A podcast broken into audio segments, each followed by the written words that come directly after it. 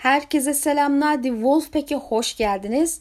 Bu hafta sizinle Martin'in yaverleri olarak bilinen Linda ve Elio'nun iki ay önce Maglor kanal ile yaptığı podcast aslında hakkında konuşacağız. Bildiğiniz gibi Asya hayranları için genelde onların fikirleri çok kıymetli kabul edilir. Çünkü onlar Martin'e en yakın kişilerden ikisi. Hatta Buz ve Ateşin Dünyası kitabının hazırlanmasında başat kişilerdi. Elbette bu ana seri yazmada doğrudan müdahale oldukları ve işte içerik hakkında genel olarak bilgilere vakıf oldukları manasına gelmiyor. Gerçi biliyorlarsa bile çoğu şeyi açıkça söyleyemeyecekleri de ortada. Genel olarak podcast'i çevirmeyeceğim elbette. Zaten İngilizce kapasitem bunun için yetersiz olur. Bunun yerine yakalayabildiğim önemli bilgiden bahsedeceğiz. Şimdi başlıyoruz. Dünya kitabının yazımında Esos kısımdaki bilgilerin %90 ila 95'ini Martin kendisi yazmış. Kitabın önemli kısmı zaten doğrudan Martin tarafından yazıldı. Yaverler ise 3 özgür şehir yazmışlar. Genel olarak da birkaç dokunuş yapmışlar. Elbette bunlar hep Martin onayladığı bilgiler. Elbette kitapta yazanlara ek olarak başka yan kitaplar ya da ana seride dünya kitabında yer almayan işte böyle Westeros Targaryen tarihi vesaire gibi bilgilerden de bahsedilmesi beklenebilirmiş. Çünkü bu kısmı daha belki videodan bahsetmiştim zaten birçok bilgi çıkarmaları gerekmişti. Zira baskı için belirlenen hacmi hacim sınırını aşıyordu. Bunlardan bir de misal demir doğumlar hakkında bilgilermiş. Essos haritasında fazla boşluk olduğunu fark edince birçok yer eklemiş ama doğal olarak bunlar hakkında bilgilerde yazması gerekiyordu. Yanlış anlamış olabilirim ama sanırım Westeros tarafından bilgi çıkarılmasının ana sebebi bu Essos kısımlardaki yerleri eklemek istemesi olabilir.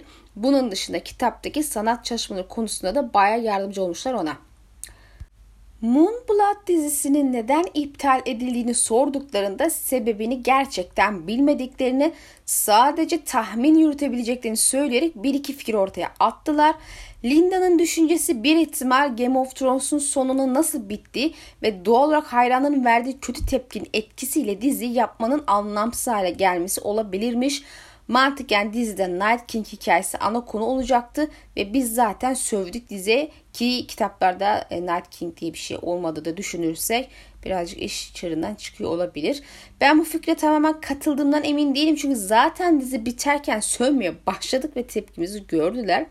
Dan ve David e, kona bile katılmadı bu tepki yüzünden ve buna rağmen dizi yapma kararı alıp ilk bölümünü çektiler. Yine de iptal kararı ilk bölümü deneme izleyicilerini izlettikten sonra geldi. Belki internette dizi hakkında umdukları kadar heyecanlı bir kitle görmediler ve üstüne seyirciler de istedikleri iyi tepki vermediler ise iptal etme kararı almış olabilirler.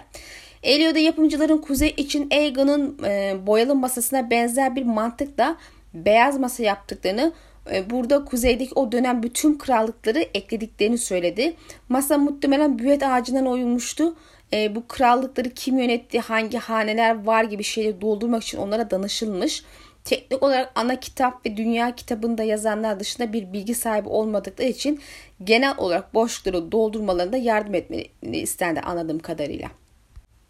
Prenses Nymeria'nın senaryosu hakkında net kesin şeyler yok. Biliyorsunuz bunun dizisini yapılacağı biliniyor. Elio ve Linda'nın olası iki senaryo üzerinde durmuşlar. Elio, Nymeria'nın yolculuğunun odak noktası olabileceği düşünmüş. Durdukları yerler ve işte orada yaşadıkları gibi. E, Esos'un genelini merak edenler için gerçekten çok harika olurdu ama çok tarpisi vardı diyemiyorum bence. Yani Linda ise bu yolculuğun sadece bir noktasına olaya başlayıp yani yolculuk kısmının hızlıca sona erip hızlıca doğuna götürüp buranın fethi üzerine durabileceklerini düşünüyormuş. Benim şahsi fikrim ise sezonun en az yarısını Valeria ile olan savaşın ve kaybın işlenmesi ve daha sonra Nymeria'nın halkını alıp yolculuğa çıkması şeklinde bir senaryo yazmalarının iyi olacağı yönünde. Misal işte 10 bölüm ise ilk 5 bölümde bu anlatılır ve sonraki 5 bölümde de yolculuk sırasında yaşadıklarının bir kısmı anlatılır. İlk sezonda Nymeria halkının Dorne'a ayak basması ile biter ve ikinci sezonda Dorne fethini görmeye başlarız. E, Elion'un yolculuk odaklı senaryo fikrine genel olarak sıcak bakamıyorum. Çünkü ne olursa olsun orada yaşanan öyle çok ağmış şanlı şeyler değildi. Ve bir noktadan sonra koca sözünü bunu izlemek bence sıkıcı gelir ya. Yani ama 5 e, bölümde kitapta olanlar güzelce anlatılabilir. E, ilk 5 bölümde de işte Valeri'yi görme şansı ede- edeceğiz. Elbette ejderha savaşları da olacak ve e, Roin halkının su büyüleri yapışlarını da izlemiş olacağız. Her açıdan güzel olur ve dikkat çekici. E zaten ejderhalar savaşı ilgi çekeceğini düşünüyorlar ki ejderhaların dansı dizisi yaptılar. Hem yapımcılar kitap okuyucularına değil izleyicili odaklı dizi yapıyorlar. Bizi kayla aldıkları yok zaten biliyorsunuz. E bu sebeple yolculuk odaklı olacağını sanmam.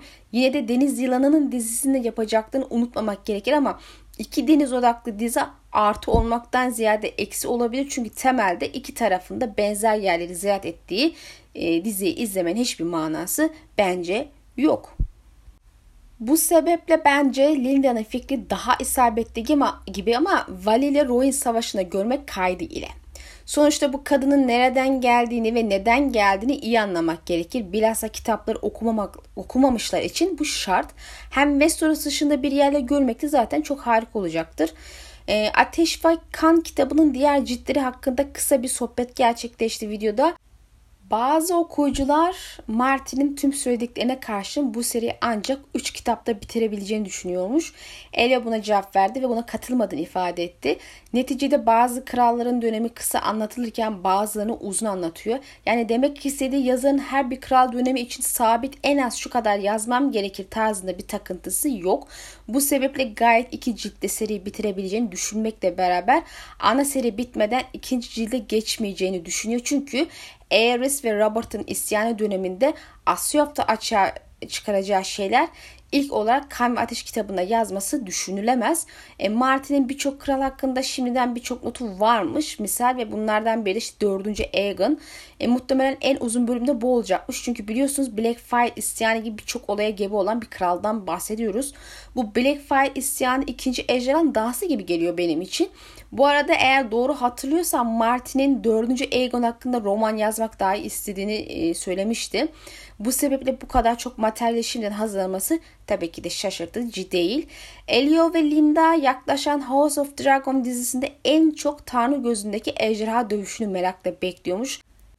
Sanırım tüm o olaylar arasındaki en ilgi çekici dövüş sahnesi e, bu gerçekten de. E, benim için daha sonraki Kuzgun Savaşı'nı bitirip Ejderha Savaşı'nı başlatan Aemond'un yeğenini öldürdüğü dövüş var. Gerçi tam dövüş dönemez ona ama bence önemli sahnelerden biri. Elio genel olarak dizi için Game of Thrones'tan daha farklı bir yaklaşım sergiliyormuş. Ateş ve Kan Martin'in sahte tarih dediği bir kitap ve bir roman değil. Birçok boşluk var ve bu boşlukları doldurabilirler. Hareket etme alanları daha fazla. Yani kitaplara birebir sadık olma şansı olmadığı için eklemeler yapmaları doğal ve kaçınılmaz ve bu bir sorun olmazmış onun için demek istiyor. E, dizi ilgisini çekiyor ve umutlu. Bir anlamda Game of Thrones'a başlangıçta bağlı olduğu şekilde özellikle bu diziye bağlı olmadığını hissediyormuş. Hani hevesli izleyecek, güzelse devam edecek ama vasatsa gene de sorun etmeyecekmiş. Ama Game of Thrones'ta vasatlık olunca bu şekilde tabi sorun etmemek mümkün olmamıştı. E, Linda da temelde katılıyor. Kitap daha geniş tarihsel bir fotoğraf gibi. Karakterlerin motivasyonu gibi meselelere ayrıntılara pek yer yok. Ve odak noktası tabii ki bunlar değil. E, bu sebeple tutumları daha az önemli. Böyle olunca dizide karakterleri nasıl yansıtacaklarını fazla dert etmiyor gibiler. Yani Game of Thrones'ta olduğu gibi işte Cersei asla bunu söylemez. Asla böyle yapmaz. E, denecek bir durum yok Ateş ve Kan kitabında. Çünkü karakterlerin altyapıları hakkında çok fazla bilgiye sahip değiliz. Linda'nın endişesi daha çok Westeros tam olarak nasıl bir yer noktasında bunu doğru şekilde yansıtmamaları ihtimali House of Dragon'da Westeros'un yani Talisa Westerling'e dönmesini istemiyorlar. Yani bu karakter hiçbir şekilde Game of Thrones evine uymuyordu. Yanlıştı. E, Martin'in yazdığı o orta çağ ve fantezi karışımı dönemini iyi bir şekilde hissedebilmek istiyor. Bunu iyi yansıtmalarını istiyor. E, dizide değişiklik ve eklemeler olsa bile bunların bu olgu çerçevesine uygun olmasını e, bekliyorlar. Bunun için e, ısrarcılar. Ateş ve kan ile ilgili son bir soruda Prens Aerys e, Targaryen'a ne oldu? Hani bilmeyenler ya da işte hatırlamayanlar için kendisi Balerin'i aldı gitti ve bir sene sonra ikisi de yaralanmış halde döndü. Prenses korkunç acılar içinde öldü. İçinde böyle ateş solucanlı yılanları gibi yüzü, ol, yüzü olan garip yaratıklar vardı. Elio Ariela'nın Valeria'ya gittiini düşünüyor çoğumuz gibi. E, Euron'un iddiası için gitti mi diyerek gülüyor. Linda ise Euro'nun muhtemelen Valeria'ya gittiğini ama kalbine girmediğini düşünüyor. Hani tabiri caizse kapının önüne kadar gitti. Hani belki kıyısında dolandı ama Ariela'nın yaptığı gibi ortasına dalmadı gibi bir düşünceye sahip. E, moderatörlerden biri o ünlü zırhı belki başka yerden almıştır gibi bir şey söyledi. Ve Elio da Valeria ile bitişik başka yerler, mekanlar da var yani şehirler vesaire anlamında ve temelde bu mümkün diyor. Lakin ilgi çekici bir şey de ekliyor. Forsaken bölümünü okuduktan sonra Martin'i kargaların ziyafetinden beri bazı şeyleri değiştirmiş olabileceği fikri aklına gelmiş. Hani kargaları yazarken Martin'in amacı Euro'nun birçok şeyde yalancı olmasıymış dansı yazarken ve kış rüzgarlarını düşünürken Euro'nun rolü büyümüş büyümüş olabilirmiş. E bu konuda elbette kesin değilmiş sadece bir fikir. Sanırım serinin evrim isminde bir video varmış. Orada anlatmış anlaşılan ben aradım ama çevirmek falan diye düş- istiyordum ama bulamadım. Neyse bulursam çevirebilirim belki. E, Martin'in Egg ve Duck hakkında en az 9 ila 12 arası hikaye yazma niyeti olduğunu söyledi. Elio muhtemelen kış rüzgarlarını bitirince yazmaya devam edeceğini düşünüyor. Ek ve Dank dönemi hakkında birçok notun olduğu bir dosya klasörü varmış. Dünya kitabını yazarken bazı şeyleri onlarla paylaşmış ama bazı noktaları paylaşmamış. Bunu size söylemeyeceğim demiş.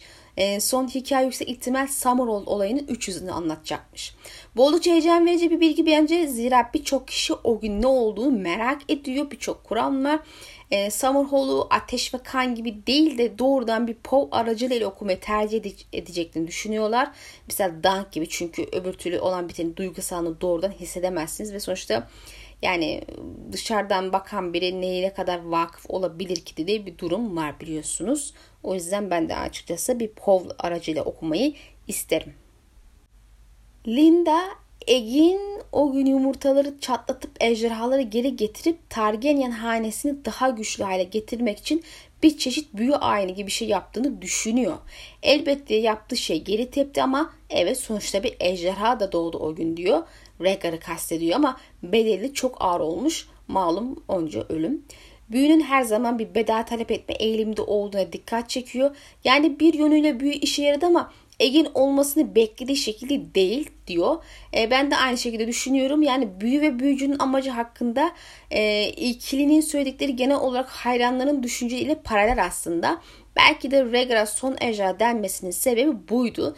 Elbette bunlar hep onların düşünceleri doğrudan Martin'den e, öğrendikleri bilgiler falan değil. Bunu özellikle dikkat çekeyim.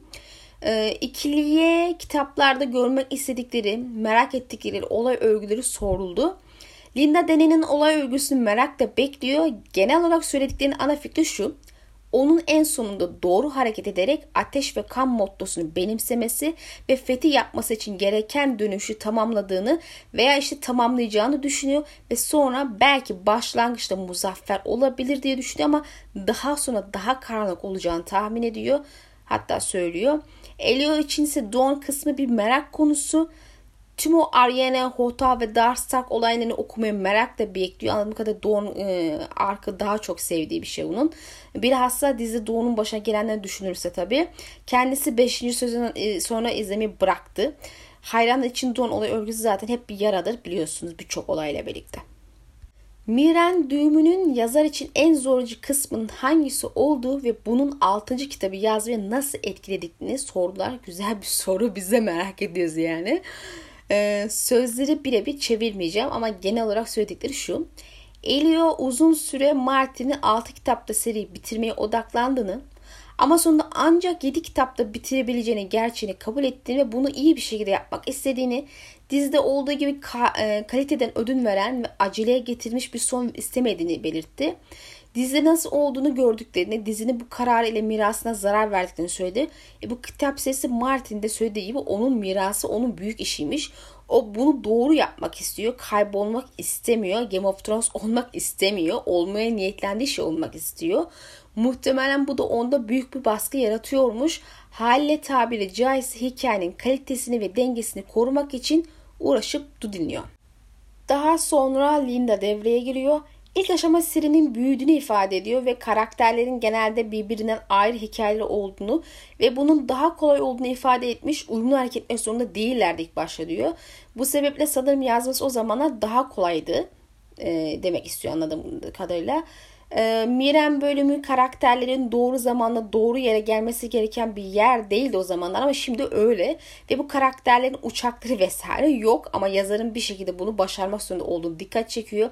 Yani toparlarsak Miren bir anda bir sürü karakterin istikameti oldu ve bu karakterlerin doğru zamanda buraya ulaşmaları gerekiyor.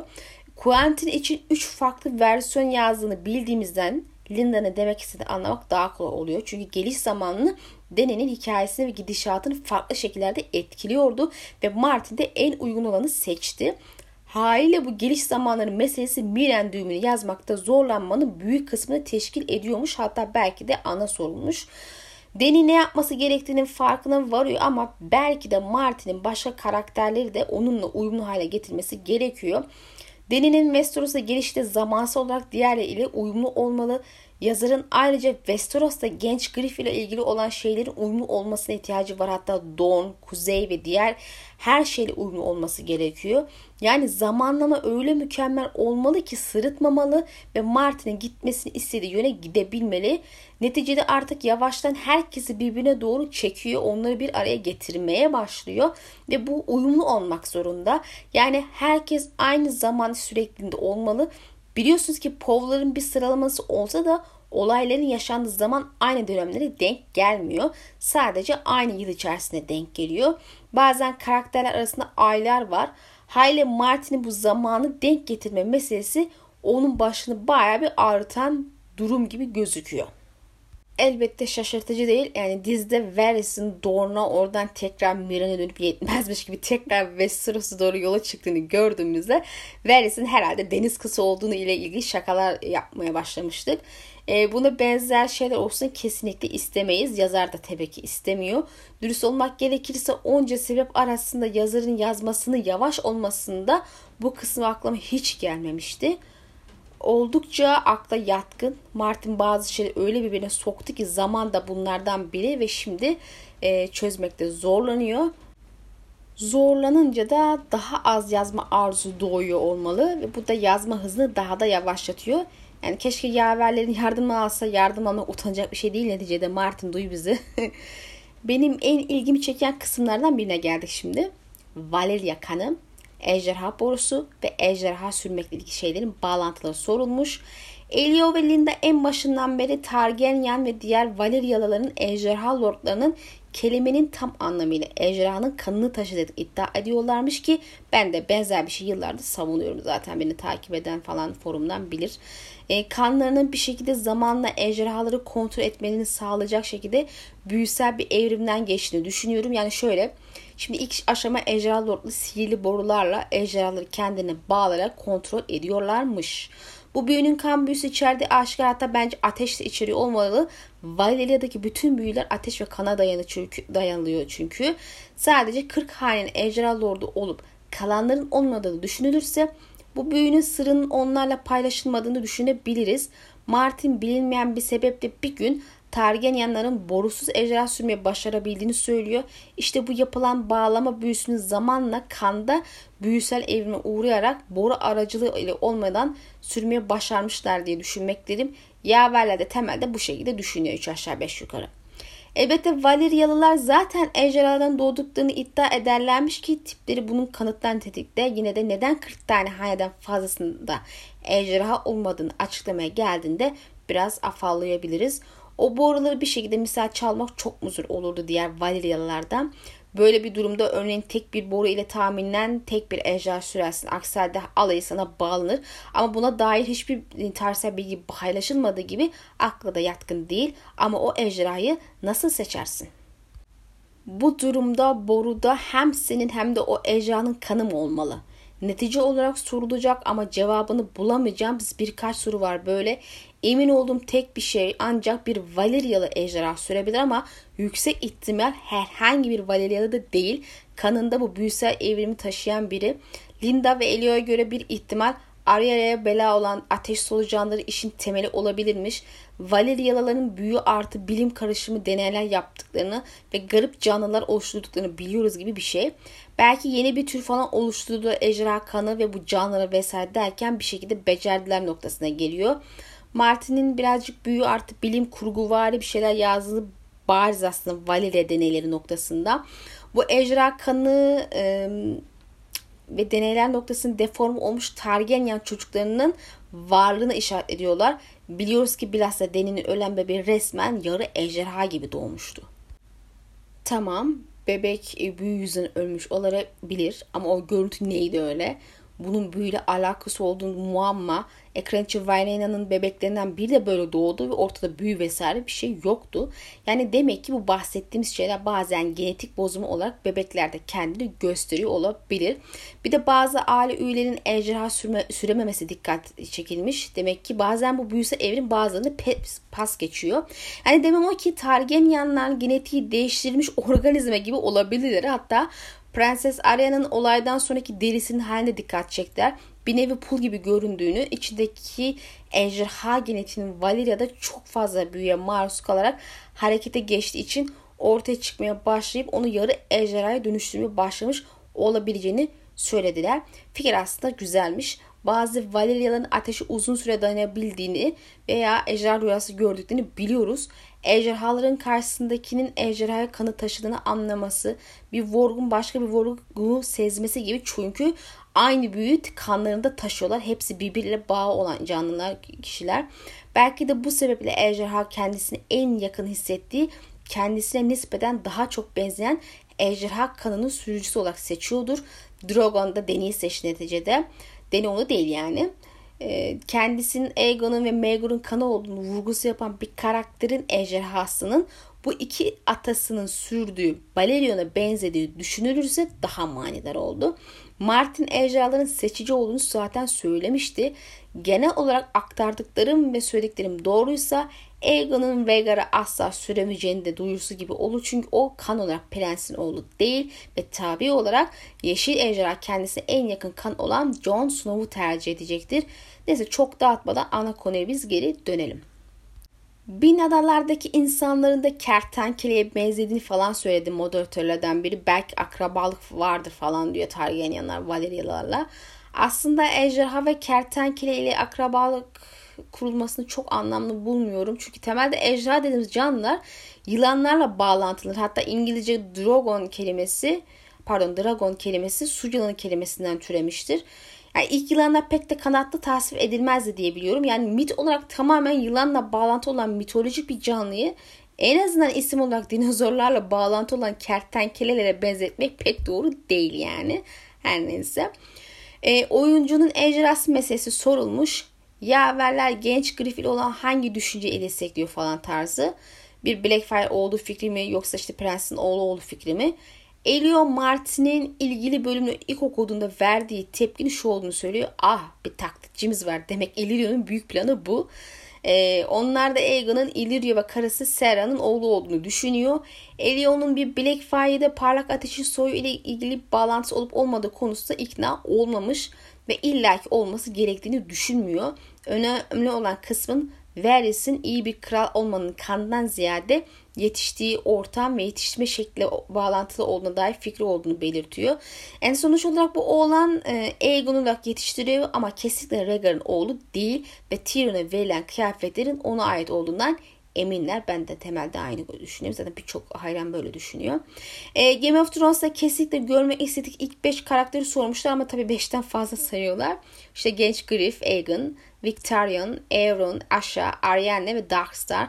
Bir de Stoneheart. Aslında 5'ten e, fazla saydık dedim ama temelde arzu ettikleri şey hepimiz gibi daha çok hatta bütün karakteri uygun asıl halleri ve hikayeleri dizide görmek. Yani temelde hiçbir karakter dizide doğru şekilde yoktu. Hepsi farklıydı ki bununla ilgili video yapmıştım zaten. Game of Thrones ve Asya of sonları ile ilgili konuşurlarken dizide olan bazı şeylerin az ya da çok kitaplarda da olacağını, Deni'nin karanlık dönüşümünün kitaplarda da olacağını ama daha mantıklı şekilde işleneceğini söyledi Linda. Bu konuda fikirden ziyade dediğim gibi bildiği bir şey söylüyor.